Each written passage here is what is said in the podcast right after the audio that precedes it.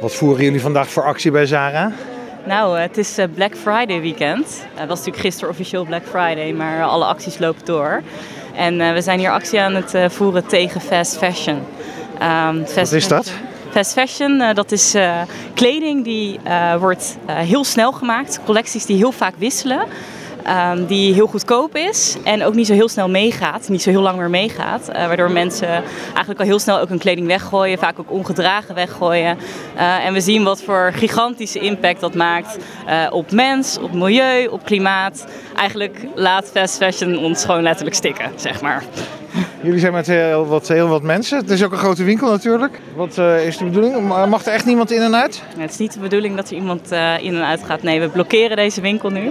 Uh, omdat dit ja, toch wel een, een, een, grote speler is in de wereld van fast fashion. Deze winkel heeft zo'n nieuwe collectie elke twee weken ongeveer.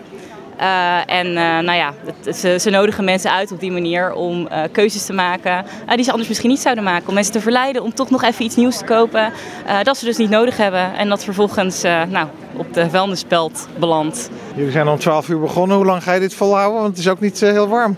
Het is hartstikke koud. Ik zou ook veel liever eigenlijk thuis zitten met een boekje. Maar ik maak me zorgen. daarom zijn we hier. we blijven hier nou, zolang als het nodig is. Maar jullie willen in ieder geval de rest van de middag hier blijven? Dat is zeker het plan, ja.